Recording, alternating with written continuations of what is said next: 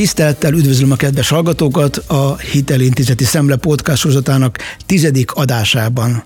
Tóth Ferenc vagyok, a Magyar Nemzeti Bank gazdaságtudományi ismeretterjesztési főosztályának vezető közgazdasági szakértője, és egyben a Hitelintézeti Szemle szerkesztője, a mai podcast beszélgetésünk szakmai kérdezője.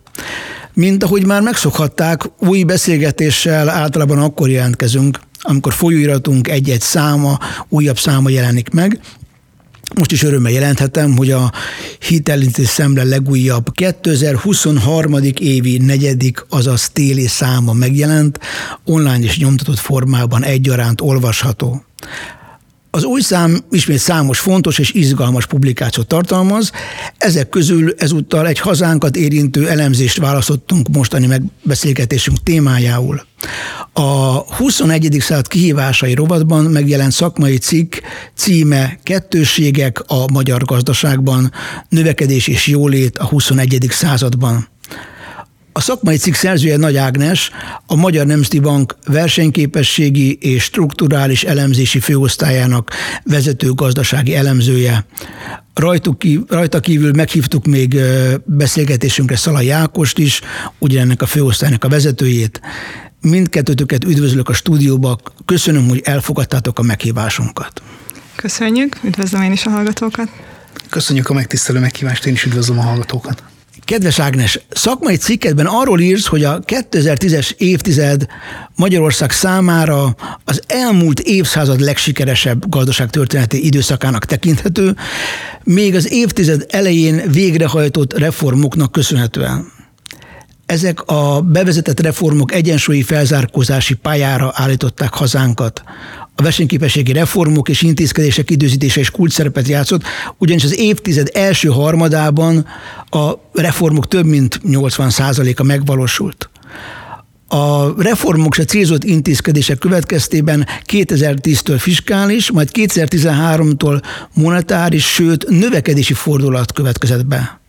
Számos gazdasági mutató javult, támogatva versenyképességünk, illetve a jólét emelkedését. A kedvező mennyiségi teljesítmény azonban csak a felszín, mivel a gazdaság több területen, a mélyebb dimenziókban minőségi elmaradások ö, azonosíthatók, abból eredően, hogy az évtized második felétől fokozatosan lassult a versenyképesség további javítására törekvő intézkedések megvalósítása napjaink legfőbb globális kihívásai, gondoljunk itt a digitalizációra, a zöld átállásra, illetve hát a jelen geopolitikai feszültségek közepette különösen felértékelődött a versenyképesség és a jólét növelését elősegítő minőségi tényezők javítása át kell állni a tudás és technológia intenzív növekedési modellre, ami a korábbi eredmények és a mennyiségi mutatókban bekövetkezett előrelépések megfelelő alapot jelentenek, azonban további erőfeszítések szükségesek. Tehát elmondható, hogy az eddigi kedvező teljesítmény elsősorban mennyiségi mutatókon nyugodott, míg a minőségi mutatókban a reformok fokozatos lassulása miatt elmaradás mutatkozott. Elemzésedben mennyiségi minőségi mutatópárok segítségével szemlélteted a gazdaságban azonosítható kettőségeket, felhívva a figyelmet elsősorban a minőségi tényezőkben rejlő növekedési potenciára. Azt hangsúlyoztad, hogy a gazdasági kettőségek megszűnéséhez teljes versenyképességi fordulat szükséges, ami egyúttal tartósan biztosítja a fenntartható felzárkózást és az emelkedő jólétet csak egy teljes versenyképességi fordulat segíthet elkerülni a közepes fejlettség csapdáját. Tehát ha, ha jól értem, a minőségi, mutató, mennyiségi mutatókban jól állunk, de a minőségi oldalon még jelentős növekedési tartalékok vannak. Elmagyaráznád hallgatóknak, hogy mit értünk a minőségi mutatókon, és milyen konkrét területen vannak a konkrét tartalékok? Köszönöm a felvezetést és a, és a kérdést, hogy mit is értünk minőségi mutatók alatt, de előtte beszéljünk kicsit a mennyiségi mutatókról is, így talán könnyebben megérthető ez a megkülönböztetés. Tehát mennyiségi mutatók alatt ö, elsősorban azokat az indikátorokat értjük, amelyek alapvetően egy extenzív növekedést tesznek lehetővé, egy extenzív növekedési modellt támogatnak. És hogy mi is az az extenzív növekedés? Az az, amikor a gazdasági növekedés elsősorban azért következik be, mert a rendelkezésre álló erőforrások vagy termelési tényezők mennyisége nő.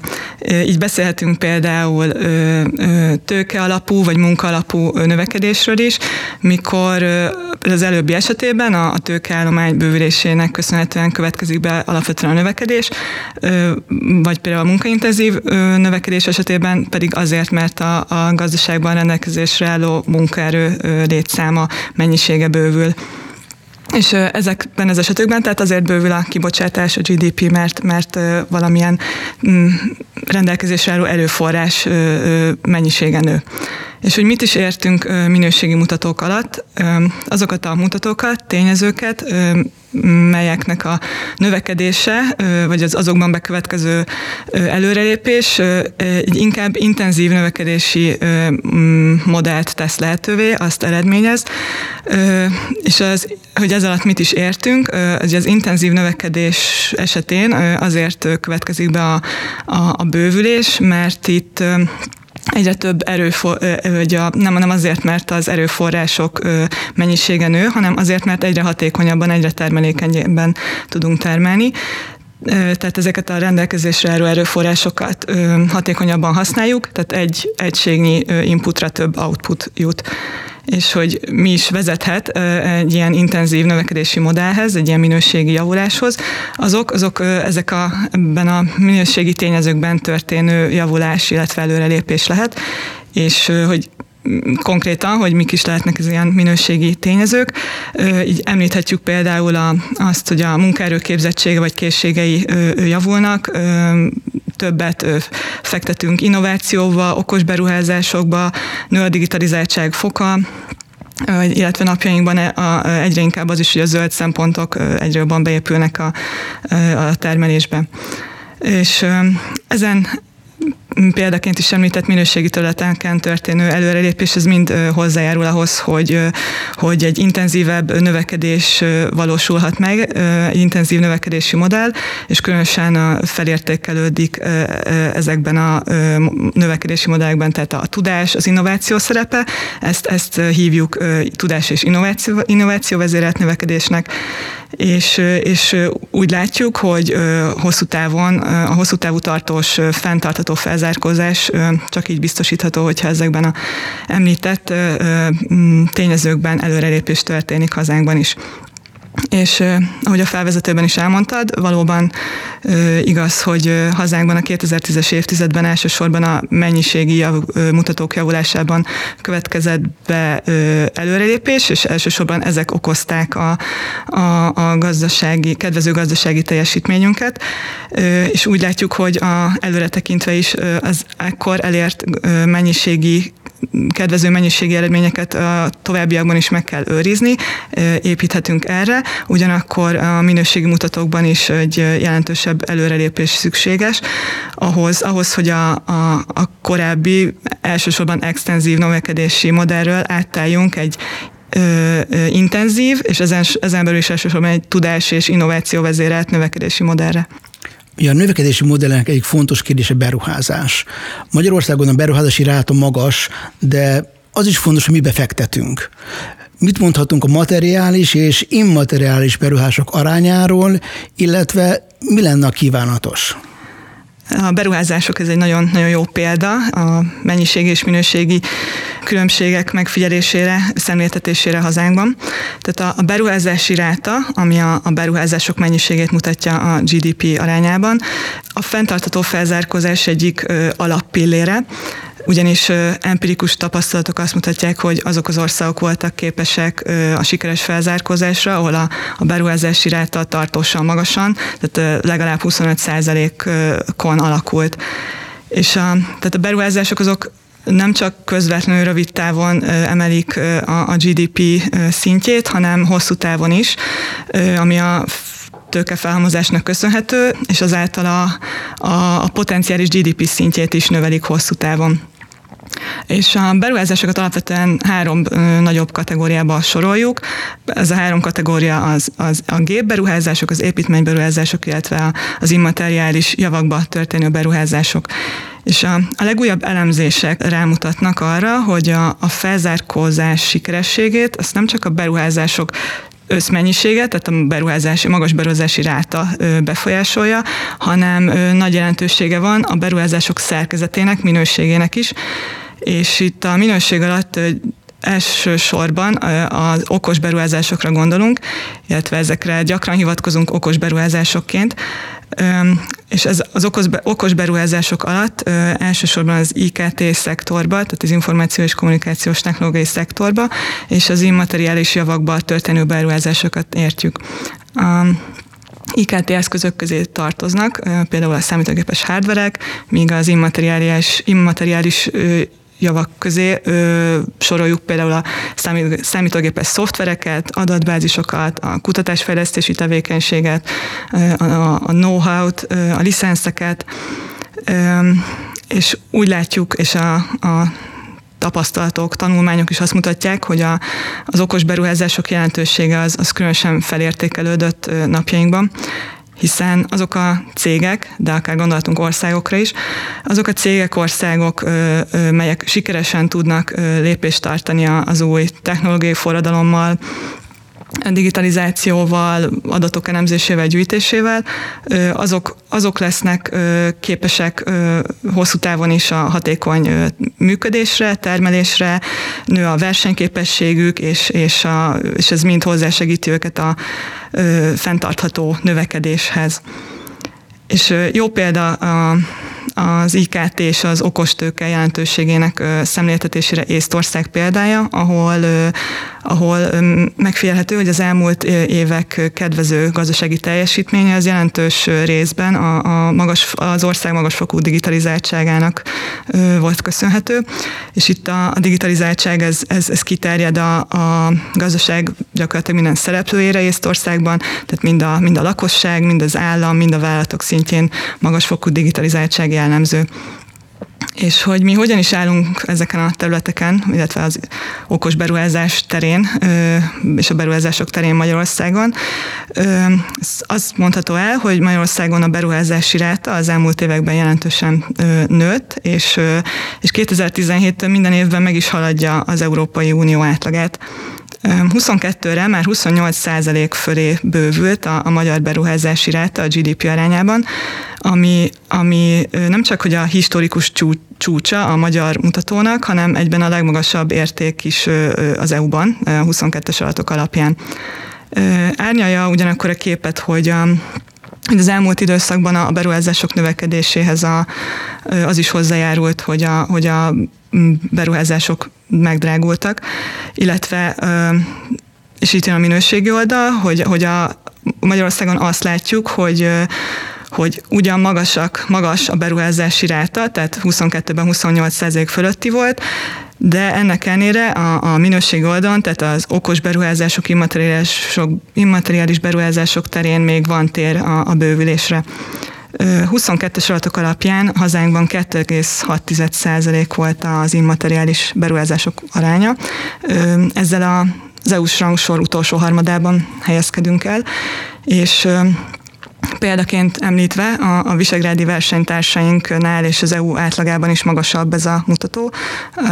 Visegrádi országokban, a többi három visegrádi országban 3% körül alakul ez a mutató, az EU átlaga pedig 4% feletti, de azt látjuk, hogy a legfejlettebb országokban ez az érték az 5-7%-ot is elérheti, és ez alapján azt, azt gondoljuk, hogy, hogy nálunk is van még bőven tér a, a immateriális okos beruházások arányának növelésére, hiszen, hiszen ez vezethet el, ez támogathatja, ez is támogathatja a tartós, fenntartható felzárkózást a jövőben. A fejlődésnek, a beruházásoknak egyik kulcskérdés a finanszírozás. És itt az államnak is fontos szerepe van, ugyanakkor nagyon fontos a fiskális keretek betartása is. Hogyan alakult a bruttó államadóság és a bruttó kamatkiadások a GDP arányában a V4 országokban, és hol helyezkedünk el az EU átlagához képest? Köszönöm a kérdést.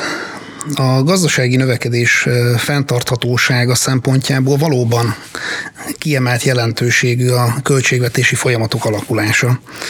A hosszú távon fenntartható felzárkózáshoz ugyanis stabil és tartósan egyensúlyban lévő költségvetésre van szükség. Magyarországon a 2010-es évek elején sikeresen megvalósult a fiskális fordulat, melynek legfőbb célja a költségvetési egyensúly megteremtése és a korábban meredeken emelkedő államadóság a tartós csökkentése volt. A GDP arányos bruttó államadóság 2011-től a koronavírus járványig folyamatosan csökkent, 80% feletti szintről 65% közelébe.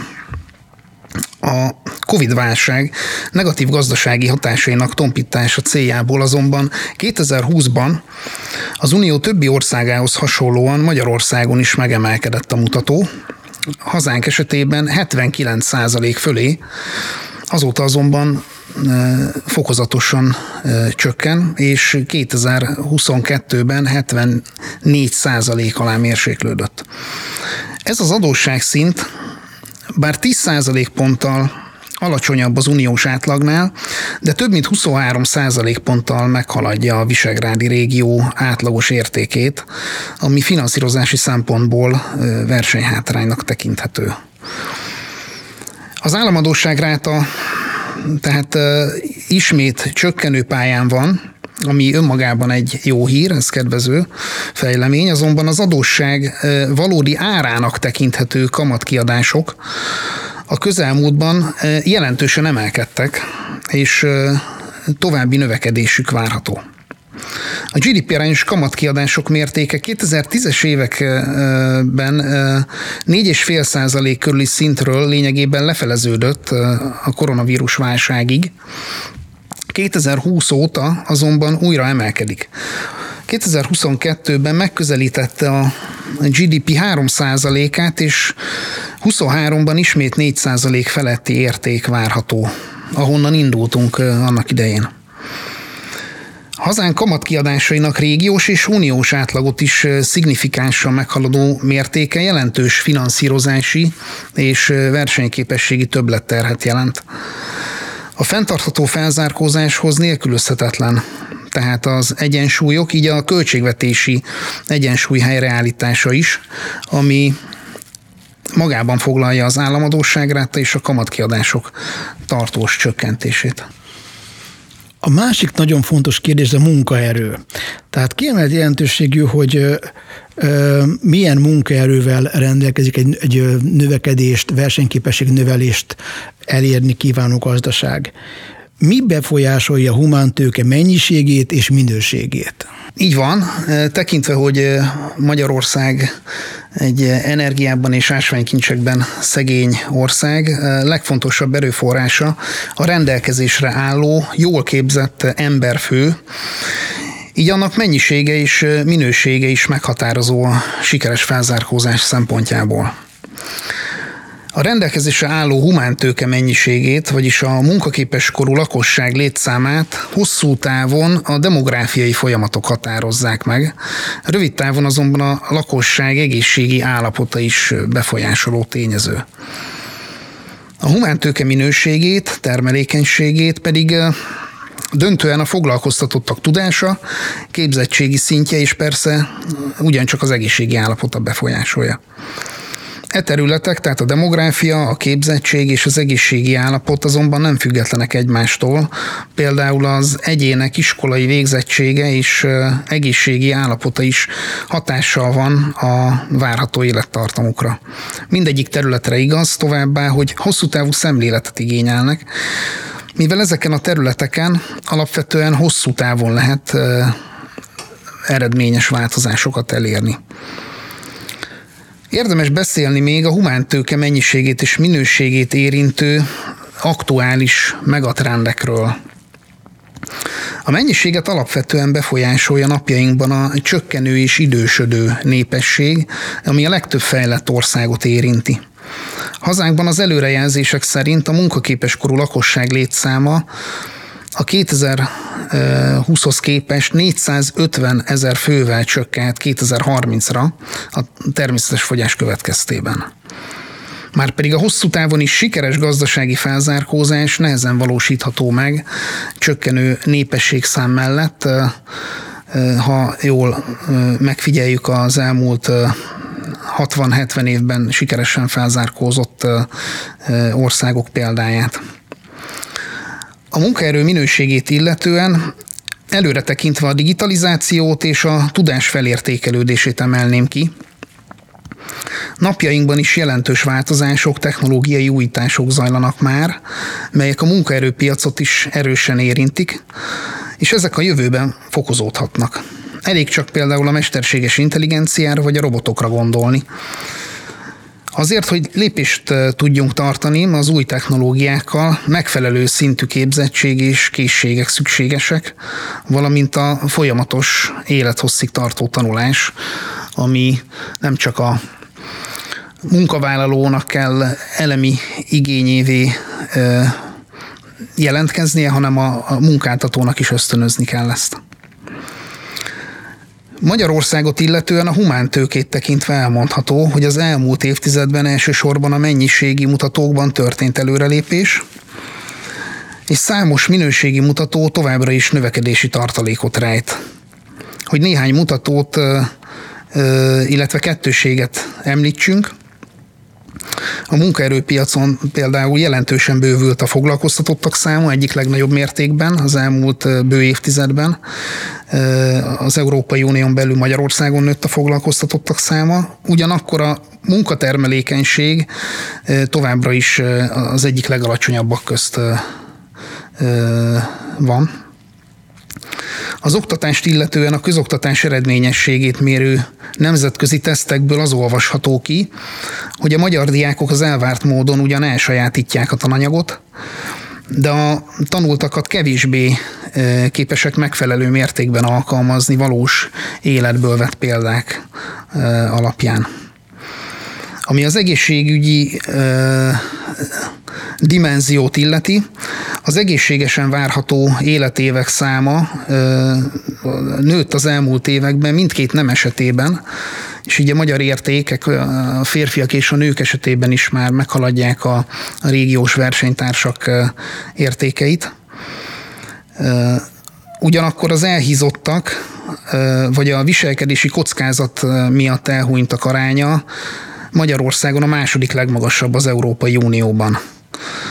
Az egészségügy szempontjából a betegségek megelőzése a legegyszerűbb és legtakarékosabb módja annak, hogy a lakosság egészségi állapota megfelelő legyen. Úgyhogy ez kimondottan neuralgikus a nemzetgazdaság versenyképessége és hosszú távú felzárkózása szempontjából is. Ákos, beszéltél most a munkaerőről, egy pillanatra még maradjunk ennél a témánál. Konkrétan azt szeretném megtudni, hogy nagyjából a foglalkozási ráta Magyarországon hogy alakult, illetve hogy a V4 országokban, illetve az EU átlagához képest hogy pontosan hol is tartunk most ebben? Igen, valóban, ahogy Ákos is említette, jelentős foglalkoztatásbővülés volt megfigyelhető hazánkban a hát most már bő, bő tíz évben, 2010 óta, de hogy hogyan is nézett ki ez a, az elmúlt 12-13 év most már. Tehát a magyar mutató, a magyar foglalkoztatási ráta 2010-ben még a negyedik legalacsonyabb volt az EU-ban, 22-re azonban ö, már a rangsor, az EU-s rangsor első harmadába emelkedett. Ezen belül is ö, 10 és 19 között a foglalkoztatási ráta az, az folyamatosan bővült hazánkban, és ö, a, ebben az időszakban, tehát 10 és 19 között összesen 15 százalék ponttal nőtt a 15-64 éves korosztályban, és ez egyben azt jelentett, hogy ez volt a harmadik legnagyobb mértékű növekedés az Unióban. Ezt a bővülést egyébként több kormányzati intézkedés is támogatta ebben az időben, vezették be a munkahelyvédelmi akciótervet, és például a közfoglalkoztatás jelentős bővülése is hozzájárult ez a, ez a létszámnövekedéshez. aztán 2020-ban a koronavírus válság hatására ez a növekedés a foglalkoztatási rátában ez, ez megtört, és a, és a mutató az enyhén csökkent. Azonban ez a, ez a csökkenés ez kisebb mértékű volt, mint az uniós országok átlagában, illetve átmenetinek is bizonyult. 21-től ugyanis a, a foglalkoztatási ráta már ismét emelkedett, illetve emelkedik, és ezt egyébként szintén több kormányzati és jegybanki intézkedés is támogatta, és, a, és összességében a, a magyar munkaerőpiac az a gazdaság visszarendeződésével hamar újra vissz, szintén visszarendeződött, és ismét növekedési pályára került a foglalkoztatási ráta. 22-ben a, a magyar mutató a 15-64 évesek körében már 74,4%-ra emelkedett, ami egyben a, a piacgazdasági időszakban mért a legmagasabb értéke is a mutatónak, tehát historikus csúcson alakul a hazai foglalkoztatási ráta és hogy hogyan is néz ki ez, ez a visegrádi versenytársainknál és az EU-ban. Az mondható el, hogy a, a magyar mutató az már évek óta meghaladja mind a visegrádi versenytársaink, mint az Unió többi országának az átlagát, és, és ezek szintén, a visegrádi és az EU-s átlag is szintén nőtt az elmúlt években, ugyanakkor 22-ben alacsonyabbak, 22-ben is alacsonyabbak, mint a magyar mutató, ilyen 71-73 százalék körül alakulnak. A Visegrádi országok közül egyébként egyedül Csehországban magasabb a mutató, ahol, ahol ilyen 75 százalék körül alakult 20, 2022-ben. Nagyon köszönöm szépen. Menjünk tovább, és nézzük meg a gazdasági felzárkózás, versenyképesség és fenntartható fejlődés szempontjából kulcsfontosságú terület a munkatermelékenység alakulását. Hogyan alakult ez az Európai Unióban 2010 óta? Mi mondható el? Valóban a termékenység egy kulcsfontosságú mutató a fenntartató növekedés szempontjából, és mi is különös tekint, figyelemmel tekintünk rá, és ahogy említettük már, azt láthattuk a, hazai munkaerőpiacon, hogy a, a foglalkoztatási ráta, tehát a létszám, a mennyiség bővülése az jelentős volt az elmúlt időszakban, az elmúlt több mint egy évtizedben. Ugyanakkor a munkatermelékenység esetében az uniós rangsor végén helyezkedünk el. De hogy miért is fontos ez a termelékenység, a munkatermelékenység, miért kell ezzel foglalkozni? Alapvetően tehát ez egy kiemelt mutató a fenntartható növekedés szempontjából, hiszen egy, a magas termelékenység az, az azt jelenti, hogy a gazdaság az ö, több terméket és szolgáltatást tud előállítani változatlan erőforrás felhasználás mellett és ez különösen felértékelődik napjainkban, hogy például, hogyha a gazdasági növekedés korlátokba ütközik, akkor, akkor ez, ennek egyre nagyobb jelentősége van a, a jövőbeni bővülés szempontjából, és ilyen korlátok lehetnek például ilyen belső erőforrás, ellátottsági kihívások, és hogy mikre gondolunk, hát ez, ez lehet például nyersanyagban erő, korlátosság munkaerő létszámában, vagy akár pénzügyi források tekintetében is, de külső kihívások is jelentkezhetnek, melyekre egy országnak szembe kell néznie. Ilyen kihívások lehetnek például egészségügyi kihívások, geopolitikai kihívások, kockázatok, kereskedelmi kockázatok, de a napjainkban egyre inkább és egyre jelent, nagyobb jelentőséggel bíró zöld szempontok is új kihívások elő állítják az országokat. És hogy mielőtt rátérünk arra, hogy ez hogyan is néz ki hazánkban, először ö, célszerű m, mm, kicsit definiálni, hogy mi is egyáltalán a munkatermelékenység, hogy mit értünk ez alatt. A, ö, többféle ö, de, ö, számítás lehetséges a termékenység ö, mérésére, de a a szakmai cikkünkben azt a mutatót használtuk, hogy a, hogy a GDP-t osztjuk a foglalkoztatottak létszámával. És ezt is érdemes, érdemes vásárló paritáson elvégezni, illetve utána az EU átlagának százalékában kifejezni, hiszen így, így érthetőbb vagy beszédesebbek lehetnek a, a különbségek az országok között.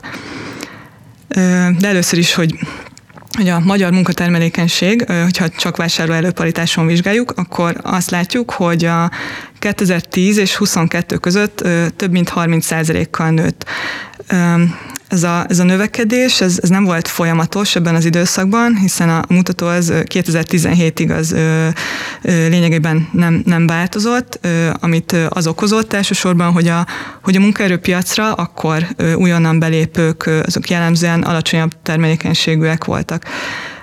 Kedvező azonban, hogy a 2017 óta ez a, ez a mutató az, ez már nő, tehát nő az egy foglalkoztatottra jutó GDP hazánkban.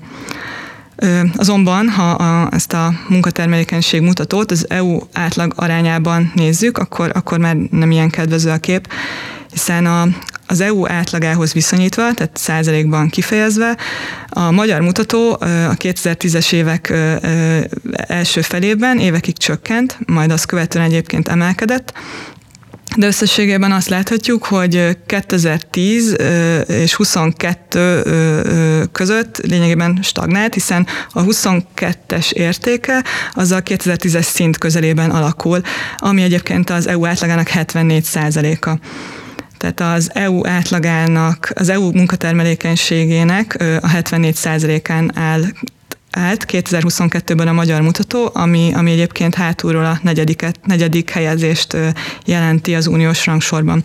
És úgy látjuk, hogy több ö, régiós versenytársunk is képes volt a, a munkatermelékenység magasabb fokú, ö, nagyobb mértékű bővülésére, és, ö, és, ö, és hazánknak is ö, jelentős tér van még a, ennek a mutatónak a bővítésére, emelésére, hiszen szintén elősegítheti a, a fenntartató felzárkózásunkat. A következő fontos kérdés, a, amely globális kihívás is, ugye ez a zöld átállás. Milyen kettőségeket láthatunk a zöld gazdaság terén? Ezen belül is engem nagyon érdekelne, hogy hogyan alakult a napelem kapacitás Magyarországon az elmúlt évtizedben, milyen volt a megújuló energiaforrások aránya a V4 országokban, és hol helyezkedik el ez az Európai Unió átlagához képest. A zöld és körforgásos gazdaság is kiemelt jelentőségű a fenntartható felzárkózásban, és a terület vizsgálatakor számos tényezőt érdemes figyelembe vennünk. A környezeti fenntarthatóság ugyanis nem csak a természeti környezetünk megóvását jelenti, hanem magába foglalja többek között az energiagazdálkodás, a károsanyag kibocsátás és a zöld finanszírozás területeit. Célszerű tehát minél tágabb nézőpontból vizsgálni a zöld gazdaság témáját, ahogy azt az MNB is több elemzésében és kiadványában meg is teszi rendszeresen. Egyik kiemelkedő kettőség valóban, hogy említetted, Feri, az energiagazdálkodás területén figyelhető meg. Hazánkban 2010 óta kedvező folyamat látható a napenergia területén. A napelem kapacitás gyakorlatilag nulláról most már 5000 megawatt fölé bővült, ami a 2030-ra korábban vállalt 6000 megawattos célkitűzés közel 90 a ennek ellenére hazánkban azonban sajnos továbbra is ö, alacsony, 14 százalékos a megújuló energiaforrások aránya a végső energiafelhasználáson belül, ami a hatodik legalacsonyabb az Unióban. A 2010-es évek eleje óta Magyarországon ennek mértéke lényegében stagnált, miközben a régióban és az unióban is trendszerű növekedés látható, és mindkét régió átlaga mindkét benchmark megelőzi hazánkat három, illetve közel 10 százalék ponttal. A kormány 2030-ra egyébként 29%-os megújuló energia részarány elérését tűzte ki célul, Ám ez érdemben elmarad a 42,5 százalékos uniós vállalástól.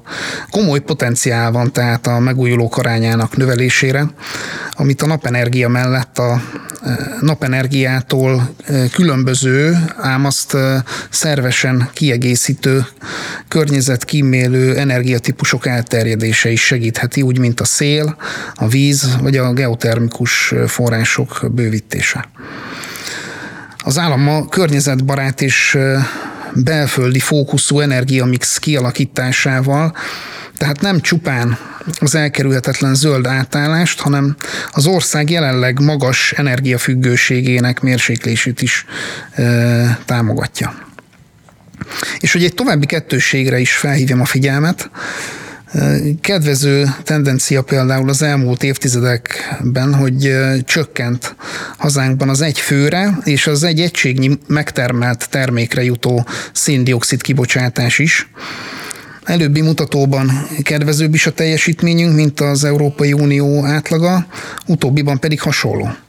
Ezzel szemben a légszennyezettség mértéke szignifikánsan magasabb Magyarországon, mint az uniós átlag. Tehát azt jelenti, hogy a magyar lakosság fokozottan kitett a ki nem ürülő, tüdőből ki nem ürülő szennyezésekkel szemben.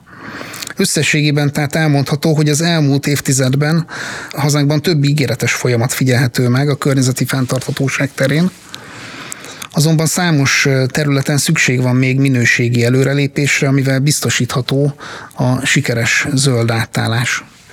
Szerintem az egyik legfontosabb kérdés a jövőben az a vízgazdálkodás lesz. Ezért szeretném megtudni, hogy milyen kettőség figyelhető meg a jövőben ezen a területen. Valóban a vízgazdálkodás is egy nagyon fontos tényezője a környezeti fenntarthatóságnak, és az elemzéseinkben etéren is rá tudtunk mutatni kettősségre.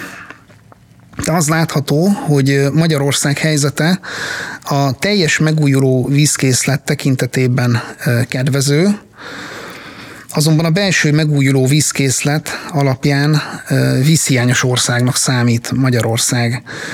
Az egyfőre jutott teljes megújuló vízkészletünk, míg a hetedik legnagyobb az Európai Unión belül, addig a belső megújuló vízkészletünk, tehát az a vízbázis, ami nem az ország határain kívülről érkezik, hanem ami azon belül keletkezik, az, az a második legalacsonyabb hazánkban, tehát kifejezetten vízhiányos országnak számítunk.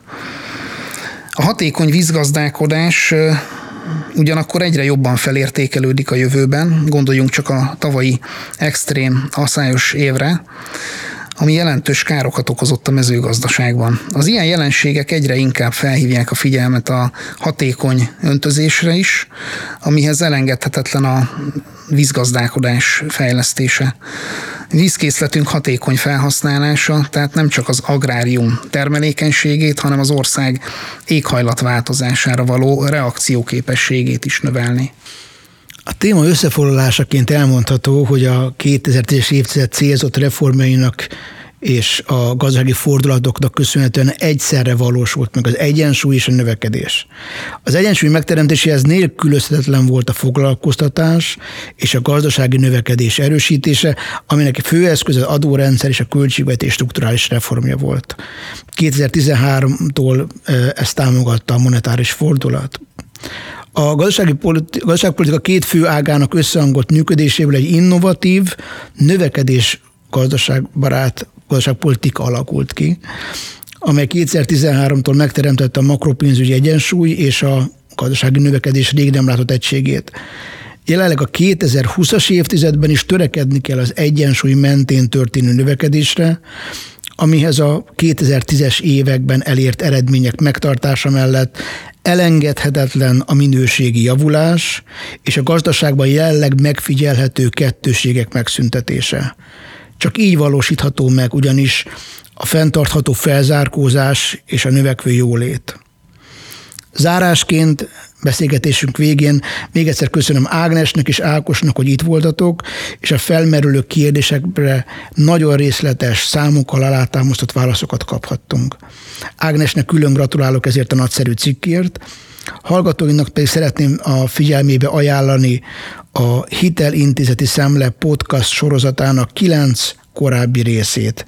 Értékes és időtálló beszélgetésekről van szó, Érdemes tehát ezeket utólag is meghallgatni a Hitel Inzeti Szemle honlapján, illetve a SoundCloud és a Spotify podcast szolgáltatási oldalakon. arra is szeretném az alkalmat kihasználni, hogy felhívjam figyelmüket a Magyar Nemzeti Bank podcast sorozatára, ami a jegybank honlapján kívül szintén a két említett megosztón érthető el. Köszönöm megtisztelő figyelmüket, köszönöm, hogy velünk tartottak, találkozunk négy év múlva a Hitel Intézeti Szemle következő számának megjelenésekor is. Kellemes ünnepeket kívánok, viszont hallásra! Az adásban elhangzottak a beszélgetésben résztvevők saját véleményét tükrözik, amely nem feltétlenül egyezik a Magyar Nemzeti Bank véleményével, így azok nem tekinthetőek egy banki álláspontnak.